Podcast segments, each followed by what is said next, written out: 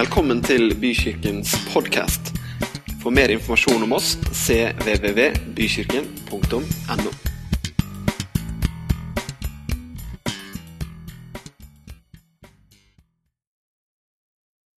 Da de dro videre, kom han til en landsby der en kvinne som het Martha, tok imot han i huset sitt. Hun hadde en søster som het Maria, og Maria satte seg ned ved Herrens føtter og lyttet til hans ord. Men Martha var travelt opptatt med alt som skulle stelles i stand. Hun kom bort til dem og sa, 'Herre, bryr du deg ikke om at min søster lar meg gjøre alt arbeidet alene?' 'Si til henne at hun skal hjelpe meg.' Men Herren svarte, 'Martha, Martha, du gjør deg strev og uro med mange ting, men ett er nødvendig.' Maria har valgt en gode del, og den skal ikke tas fra henne. Disiplene og Jesus de har vært ute. De kommer gående til Betania, en, en forstad til Jerusalem. De møter opp hos noen eh, venner som de har vært hos før, og du vet, plutselig så er huset fullt. Einar og Gro, dere fikk jo oppleve hvordan det var når huset var plutselig fullt i går. Men du vet, det, jo, det må jo ha vært litt av en opplevelse. Plutselig så er Jesus der, og disiplene der, der og liksom, Tenk deg da Martha og Maria og Lasarus og Jesus, liksom the talk of the town. Det er han som stikker innom. Ikke for å holde møte, ikke for å ha en sjelesorgsamtale, eller for noe, men fordi han rett og slett er en venn. Det er litt kult. Jesus setter tydeligvis stor pris på venner. Folk er det jo egentlig nok av for han absolutt hele tida. Men venner, det er viktig. Her kan han slappe av, prate, spise, le, tulle. Fortelle at han er litt sliten, og kanskje gi litt siste nytt på fariserfronten. Maria hun kan nesten ikke vente. Hun syns at det her er utrolig stas. Jesus er i huset, liksom. Hun setter seg ned der hvor Jesus setter seg, og begynner å spørre. Åssen har det gått siden sist? Husk på at disse var ikke kontinuerlig opptatt på Facebook. Disse hadde ikke siste liksom, eh, nyhetsoppdatering fra Aftenposten, men det var liksom Hva har skjedd siden sist? Åssen har det gått? Er det mange helbredelser, eller? Er det noen flere døde som har stått opp? Du, fortell historien en gang til av Jesus. Når du metta de 5000. Det var sikkert en av favoritthistoriene. Hun bare venter og lengter etter at han skal fortelle, og hun elsker å høre på det han sier. Martha synes også at dette er stas. Jesus, liksom. Han som alle har hørt om. Han som tømmer byer for folk. Det er han som er her. Og disiplene, wow, hele gjengen i vårt hus. De er sikkert sultne. Jeg får sette i gang. Fikse noe food. Sjekke kjøleskapet, fryseboksen. Jo da, vi skal sikkert få til noe. Det er liksom ikke helt sånn easy-peasy å eh, servere mat en 10-12-14-20 Jeg vet ikke hvor mange det var i følge. En hel bøling med sultne mannfolk. Men hva gjør man ikke for mesteren? Sette fram litt drikke og snacks for å døyve den verste sulten og tørsten. Matlaging. Hun går i gang. Oi, den duken burde sikkert også vært bytta. Og mens Martha styrer og ordner og holder på, så går praten livlig mellom Maria, Jesus og noen av disiplene. I det ene øyeblikket så er det musestille, og man kan høre en knappenål falle idet Jesus forteller noen detaljer fra noe som har skjedd. Og i neste øyeblikk så bryter alle ut i latter over noe morsomt eller noe fantastisk. Levd liv deles. Evige sannheter formidles. Og jeg er ganske sikker på at for dem så er det som om tiden står stille, og ingen vil at dette skal ta slutt. Men Martha, hun syns at dette burde ta slutt. Hva med å bidra bitte litt, kanskje? Komme uanmeldt, hele gjengen. Iallfall burde Maria skjønne såpass at hun burde hjelpe til.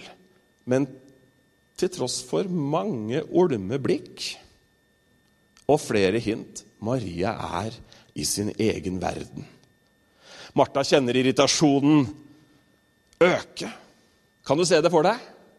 Når du smeller litt sånn ekstra med skapdørene for at noen skal høre at du jobber på kjøkkenet. Eller når støvsugingen gjennomføres med en sånn autoritet at man tror at huset er i ferd med å falle sammen. Nei, det er bare jeg som kjenner meg igjen i det. Men der er i hvert fall Martha. Passer liksom på å slippe noe kokekar i gulvet, vet du, så det skrangler. Men det vekker ikke Maria, det vekker ikke noen av disiplene heller. For de sitter der sammen med Jesus. Og det er liksom ikke en eneste én ikke, en, ikke engang en av disiplene som stikker huet inn og spør kan jeg, er det noe jeg kan hjelpe til med. Martha biter tenna sammen. Jeg får gjøre som jeg alltid gjør. Jeg får gjøre sjøl. Jeg får gjøre det sjøl. Men så tenker hun nei, men heller. Nok er nok. Det begynner å koke. Nå skal jeg si dem noen sanningens ord. Og så går hun inn. Formelig stormer inn Si meg én ting, Herre.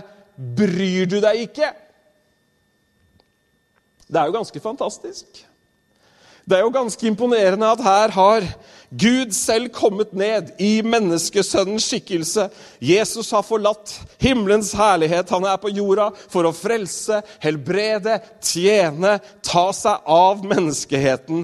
Og han skal bære all verdens synd og dø på korset for Maria og for Martha og for Lasarus og for deg og for meg. Om han bryr seg. Har du stilt spørsmål noen gang bryr Jesus seg? Ser han meg? Vet du hva? Han bryr seg. Om du hadde glemt det eller ikke visste det, så kan jeg si at hvis det er noen som bryr seg om hvordan du og jeg har det, så er det nettopp han. Du kan jo gjøre et lite tankeeksperiment og prøve å forestille, seg, forestille, deg det mest omtenksomme, det mest empatiske, det mest kjærlighetsfulle mennesket du liksom noen gang har møtt. Jeg håper du har møtt noen sånne. Og så kan jeg si at han overgår dem. Han bryr seg mer. Han har mer omtanke, han har større kjærlighet, han har en tilgivelse som strekker seg mye lenger. Og ikke minst så er han full av noe som vi mennesker av og til mangler ganske mye. Han er full av nåde. Om han bryr seg. Ja visst bryr han seg. Men der står Martha, da. Kan du se henne for deg? Med sleiva. Herre, bryr du deg ikke om? Men Jesus, han legger ikke ved på bålet. Han fyrer ikke opp en kraftig diskusjon, og nå skal vi sette henne på plass. Han kunne jo liksom tatt Hvordan våger du å anklage meg, liksom? Jeg er, jeg er Jesus Kristus, den levende Guds sønn. Nei, i stedet så sier han med omtanke. Og de som har forska på språket som de brukte på den tiden, sier nettopp det at denne gjentagende Han sier navnet to ganger. Viser en ømhet og en omsorg i det han sier. Martha, Martha. Så, så. Rolig nå. Slapp av litt. Du gjør deg strev og uro med så mange ting. Jesus merker jo at hun er stressa. Tror du han merker at du er stressa noen ganger? Han merker at hun er overanstrengt, og at liksom, han skjønner jo at nå har det kokt over litt. Kan hende at det hadde vært noen lignende tilfeller før, hvor han skjønte at uh, Martha hun har litt temperament når det gjelder uh, den type jobb. Det veit jeg ikke, men han skjønner at hun er overanstrengt. Og så skjønner han at du og jeg noen ganger også har fått nok. Har du fått nok noen gang? Av noen mennesker rundt deg? Ingen? Nei? Masse Nei, jeg skal ikke si det. Han ser at du er sliten. Han ser at du er sliten. Du har så mange bekymringer, Martha. Og faktisk så er det sånn at uh, han sier du gjør deg strev og uro for så mange ting. Vet du hva når Bibelen sier, når Jesus sier 'du gjør deg strev', så bruker Jesus et ord som at hun har bekymring og engstelse i betydning av sitt åndelige liv. Hm. Uro. Det ordet det dreier seg mer om den ytre liksom, stress og travelheten vi kan ha. Men Jesus tar begge greier i én setning. Han sier, 'Du, du engster deg. Du bekymrer deg.' Ikke bare for liksom om kaffen blir god nok og kakene snart tiner. Men nei, for hvordan du har det i forhold til det åndelige livet med Gud. Og så har du denne travelheten. Men Jesus han er fantastisk, da. Tidenes store lærer. Han benytter anledningen. Jeg tror dette er en leksjon ikke bare for disiplene den gang, eller ikke bare for oss i dag, men også for disiplene den gang. Martha, jeg har ikke kommet hit for å få en syvretters middag. Jeg har ikke kommet hit for å få service eller mat. Jeg vil være sammen med dere. Jeg er helt sikker på at Jesus satte pris på et godt måltid. Jeg er helt sikker på at uh, han uh, syntes det var godt å spise godt. Men det var ikke det som var poenget. Det var ikke hva Martha kunne prestere i livet sitt som gjorde at Jesus kom dit i det hele tatt. Og vet du hva? Hør her, folkens. Han er ikke interessert i hva du eller jeg kan prestere i det hele tatt. Han er interessert i å være sammen med oss. Han er interessert i å være sammen med deg. Så kommer alt det andre i tillegg. Så kommer tjenesten, så kommer lydigheten mot hans ord og, og det ene og det andre. Men først og fremst er Jesus interessert i å være sammen med deg. Og så sier han dette her, denne setningen som jeg har lyst til at du skal bare eh, tatovere inn i pannebrasken. Ett er nødvendig. Maria har valgt den gode del, og det skal ikke tas fra henne. Er nødvendig. Det er morsomt også at Jesus sier det så rett og ut. Han pakker det ikke inn. Han kommer ikke med en hel rekke med unnskyldninger. og det vet jeg, Hvis jeg hadde vært Jesus der, så hadde jeg sagt dere, nå har vi glemt oss bort litt. La oss stikke på kjøkkenet alle sammen, og så hjelper vi til å dekke bordet. og Kan ikke du bytte duken, og så ordner du det og det ene? Hallo? Noen som hadde vært der? Ja, vi, vi, hadde tatt et praktisk ansvar, og så må vi liksom få dette her gjort. da. Og så klarer vi omsider å sette oss til bords med litt sånn heva puls og litt sånn Ja, alt er ikke helt på stell, men dette var det beste vi kunne fått av. Og så hadde vi satt på oss et smil, og så hadde vi det kjempehyggelig. Noen som kjenner seg igjen i den? Nei da. Jo da, jeg ser jo at dere kjenner dere igjen. Men Jesus, han er rett på, så sier han, Martha, med omtanke, med omsorg det er mye som er bra, det er mye som er viktig, det er mange ting. Det er mange burde, burde. Men du vet, helgen er ikke bare burde, burde. Jeg vet ikke, Har du, har du rukket alt det du skulle i sommer?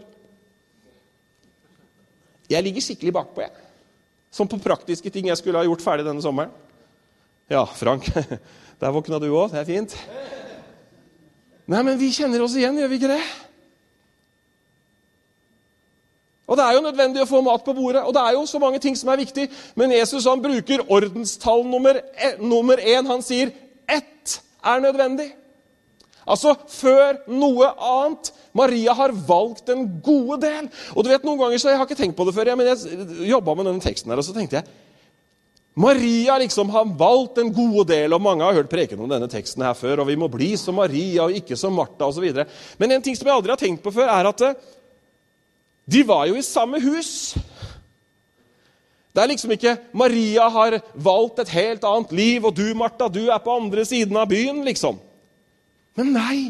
Der og da, med egentlig samme fysiske distanse til Jesus, så velger den ene den gode del.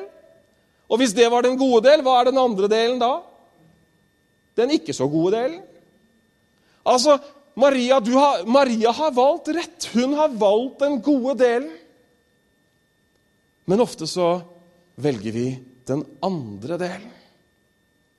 Det kan være mange grunner til at vi velger den andre delen.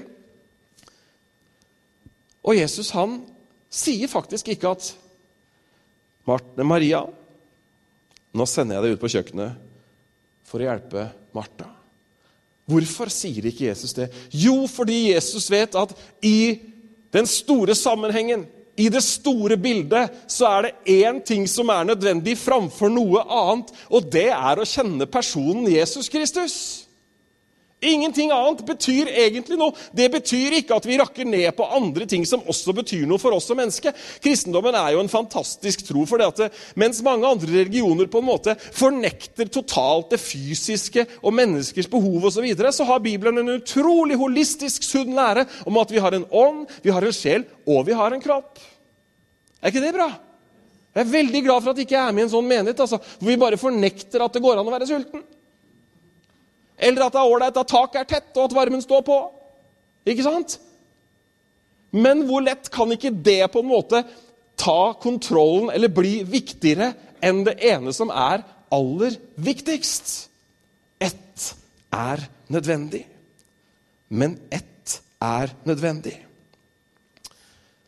Og jeg tror faktisk, dere, at vi, akkurat som Martha og Maria, så tror jeg at vi kan ha det akkurat på samme måte at vi på en måte egentlig er i samme fysiske rom, eller vi er i samme miljø, men vi har ulikt fokus på hva som egentlig betyr noe. Ikke sant? Hva er det egentlig som betyr noe? Hvorfor sier Jesus at ett er nødvendig? Jo, fordi det andre, det som er sekundært, det betyr egentlig ingenting. Vi kan være i det samme miljøet, men vi kan velge hva vi vil prioritere. Vi kan velge hva vi gir oppmerksomhet. Og selv om valgfrihet er noe vi holder utrolig høyt i vår tid, så snakker vi ikke alltid like åpent om resultatene av valgene og prioriteringene vi gjør. Jesus scorer lavt på politisk korrekthet og mainstream lifestyle. Og sier det rett ut. Ett er nødvendig. Hun har valgt den gode del. Travelhet, stress, burde, burde og alle andre gjør. Dere vet, Det har gått så langt for mange at til og med ferien blir stress og prestasjon. Jeg møter noen vet du, de har sittet og sett på Facebook hvor alle andre er på ferie. Og det har jo tatt feriegleden fra dem. Og de sitter på sin egen ferie og sjekker ut de andre sine ferier. Og det skulle vi også gjort. Altså, det er sikkert ingen her, men jeg kjenner noen som faktisk er litt der. Som lever i en sånn konstant sammenligning. Det de andre gjør. Det mest alvorlige er når vi drar det over denne stresset og travelheten. Inn i relasjonen til Jesus, inn i troen på Han. Det er feil. Hørte du hva jeg sa? Det er feil. Hva er motgiften, da? Hva er liksom Hva er det som kan stoppe det derre stresset? Både det der indre, åndelige uroen som handler om er vi gode nok? Når jeg opp? Liker Gud meg egentlig? Og den andre mer ytre Det andre mer ytre stresset, som handler om å holde karusellen i gang, som handler om å være og gjøre som veldig mange andre. Jeg tror Jesus har svart allerede. Ett er nødvendig. Tid sammen med Han. Fordype relasjonen med Han.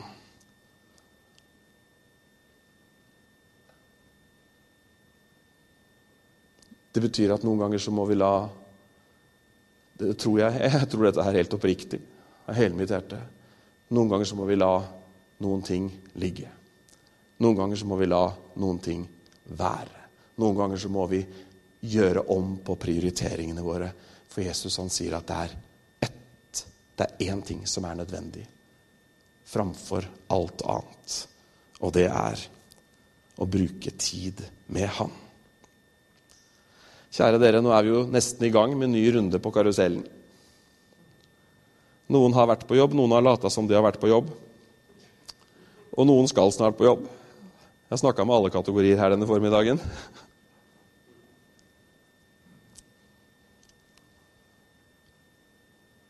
Ett er nødvendig. Aktiviteter surrer i gang nå i løpet av noen uker. Gjøremål, ansvarsområder, svigermor, treningskamerater. Ett er nødvendig. Kalenderen fylles opp til randen. Vi overbooker oss, avbooker oss og ombooker oss. Ett er nødvendig. Den gode del. Hm. Hva er det som er nødvendig? Tid. Forholdet til Han, relasjonen til Jesus. Jeg tror dere at alt annet må få tallene 2, 3, 4, 5, 6 og 7 osv. etter seg. Ett er reservert. I en annen oversettelse så står det Maria har valgt det som er essensielt. I en annen oversettelse, jeg tror det var i Amplified, så står det hun har valgt det som er essensielt, og det som er til hennes fordel. Du vet, Noen ganger så kan man tenke på at liksom, å ja, nei, ett er nødvendig, Jesus, uff, da blir det Nei, vet du hva, Det er jo helt feil. Det er jo helt snudd opp ned. Det er jo en fantastisk invitasjon. Maria svarer på invitasjonen til Jesus. Hun setter seg ned og opplever at livet får mening. Jeg tror, dere, at livets fulle mening, jeg tror at den største tilfredsheten Jeg tror at ekte fred og glede, perspektiv på livet vårt, det springer ut fra en levende relasjon til personen Jesus Kristus. Amen. Hvorfor er ett nødvendig? Jeg var litt inne på ett karaktertrekk ved den kristne tro i stad, og dette er et annet. Jesus sier 'Jeg er veien, sannheten og livet'. Ingen kommer til Faderen uten ved meg. Vet du hva? Han vil at du og jeg skal løpe løpet vårt ferdig. At vi skal vare. At vi skal bevare troen. Og da er nødvendig. Han ønsker at du og jeg skal få oppleve at vi bærer frukt, og at det blir resultater. Amen. Vi liker jo det. Ingen liker det, men jeg liker det. Det vet jeg at du også gjør. At det vi gjør, ikke bare er input, men det er, kommer også en output. Det er frukt av det livet. Det er nye som kommer til tro. Vi vokser i vår egen tro, og vi bevarer troen, og vi fullfører løpet, og vi ender i himmelen.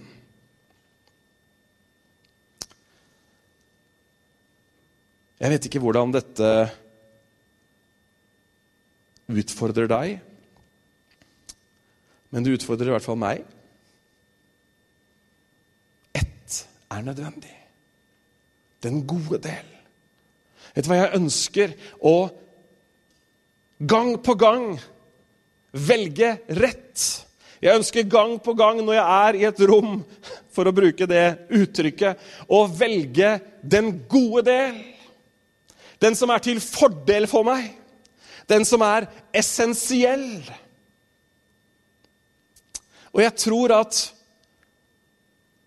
den samme hva skal man si, direkte, men veldig tydelige og kjærlighetsfulle tonen er den som Jesus sier til sine disipler. Han sier det til oss også i dag. Han sier, 'Bente Ove, Bente Ove, du gjør deg strev og uro med så mange ting. Men det finnes en bedre vei. Ett er nødvendig. Gjør som Maria. Velg den gode del. Ja, men Kommer fort da, ikke sant? Ja, men hva med det? Hva med det? Hva med det? Hva med det? Og så nevner vi alle dyrene på karusellen vi er med på. Ikke sant? Det er så utfordrende å være menneske i dag. Det var det den gang. Og det er ikke noe mindre utfordrende å være menneske i dag og leve i et sånt påtrykk av hva alle andre gjør, av hva det ene, hva det andre. Men du, ta med deg én ting videre denne høsten. Ett er nødvendig. Velg den gode del. Den som er til fordel for deg. Og la, la oss kanskje også være litt sånn moralsk støtte for hverandre i å velge den gode del.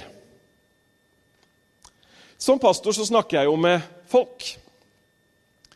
Og det er altså morsomt hvor på en måte like utfordringer vi som mennesker står i. De har litt forskjellig innpakning. De har litt sånn ulik eh, eh, form og farge fordi at vi har barn i ulik alder, eller vi er i ulike deler av yrkeslivet eller livet generelt. Men det er faktisk en gjenganger, vil jeg våge å påstå, at Martha-mentaliteten preger en god del av livet. Så kan du svare for din egen del om det er noe du kjenner deg igjen i eller ikke. Kanskje du, er, kanskje du bare er Maria. Da sier jeg Gud velsigne deg, og da håper jeg at du bare satt her og sa amen under denne prekenen og tenkte at du verden, nå har han sett noe som jeg har sett for veldig lenge siden. Men allikevel så vil jeg våge å påstå at jeg tror det er mange av oss som kjenner på den derre å, liksom en sånn uro. Noen veldig tydelig i forhold til sitt åndelige liv, sitt gudsforhold, og tenker at de skal prøve å ta seg sammen og bli det ene eller det andre. Vet du hva? Til deg så sier han Kom og sett deg ned. Amen. Det står til og med i Efeserbrevet at 'han har satt oss', står det, i himmelen med ham. Så det er liksom, det er det, er det setet som er reservert. kan Du si. Du har ikke fått ståplass, du har fått sitteplass ved han. Du vet, Ståplass det er kjipt. NSB de driver jo med det. ståplasser. Det er forferdelig. Men du har fått sitteplass. Så herlig, da. Ja, Noen ble glade nå. Du har fått sitteplass. Akkurat som Maria så har du fått sitteplass. Han har satt deg, han har satt seg, han har satt deg i himmelen med seg. Nydelig. Fantastisk. Ta det til deg. Han har Hallo! Take your seat. Take your seats. We're about to take off.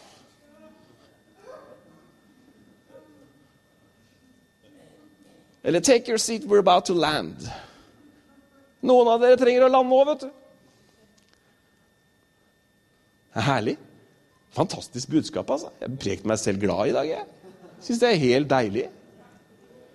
Nå skal jeg gå rundt, vet du. Ett er nødvendig. Take your seat.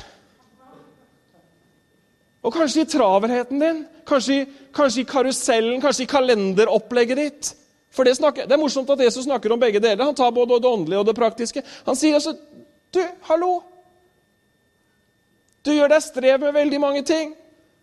Han sier, og uro. Han sier med andre ord Vet du hva? Ta en sånn her kritisk gjennomgang av tidsbruken og kalenderen din, for det finnes ett som er nødvendig. Og nå er det mange familiefolk her. vet du hva? Det finnes ett som er nødvendig for familiene våre. Tid med Jesus. Vi trenger det store fellesskapet her på søndager. Vi trenger de små fellesskapene i life-grupper og ungdomsarbeid og barna. Vet du hva? Vi trenger å gjøre det som er nødvendig for at vi skal arve det evige liv. Ja, det går jo bra til slutt, da. Hvor står det? Kapittel og vers, spør jeg da. Det står veldig mye om å velge.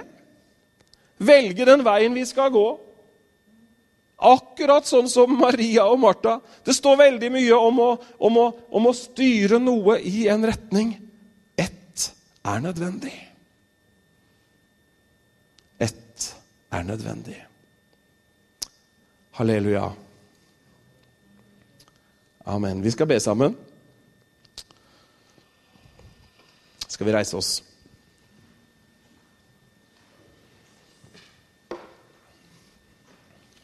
Håper at du har fått noe å tenke på i dag, noe du kan ta med deg. Ett er nødvendig. Hm. Takker deg, Herre, for at du snakker rett inn i våre liv, akkurat som du snakka rett inn i hverdagslivet til Martha og Maria. Hm. Takk for at vi i vårt indre kan høre din stemme som sier navnet vårt. Ikke med fordømmelse, men med omtanke. Ikke med krav, men med kjærlighet. En stemme som sier at du har gjort deg strev og uro med så mange ting. Og løsningen midt oppi det er å gjøre som Maria. Ett er nødvendig. Takk, far, for at vi i tidlig start på denne høsten, i tidlig start på en ny sesong på jobb og andre forpliktelser, kan bære med oss ett er nødvendig. Og så kan vi få velge den gode delen. Og den skal ikke tas fra oss.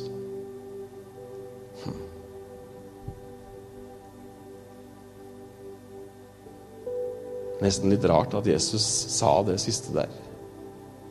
Og den skal ikke tas fra, ikke tas fra henne. Jeg tror han visste at det er lett at eh, den andre siden, travelheten, stresset, gjøremålene, tar over. Det er som om han rettferdiggjør valget hennes. Det er som om han sier til oss at 'dette har du rett på, dette kan ingen ta fra deg'. Den gode delen som du har valgt. Takk, Herre, at vi kan hvile trygt i det. Når vi velger deg, når vi velger ditt rike, når vi velger det som du har gitt oss som prioriteringer, så kan vi gjøre det med rak rygg og hevet hode. Uten å måtte stilles til ansvar for noen andre høyere makter. Takk, Herre. Ber om din velsignelse. Ber om din ledelse over hver eneste en, Herre. Takk at du alltid fører oss videre i troen. Du fører oss videre med deg. Fordi at du bygger din kirke. Du bygger ditt rike. Og vi får være med. Amen.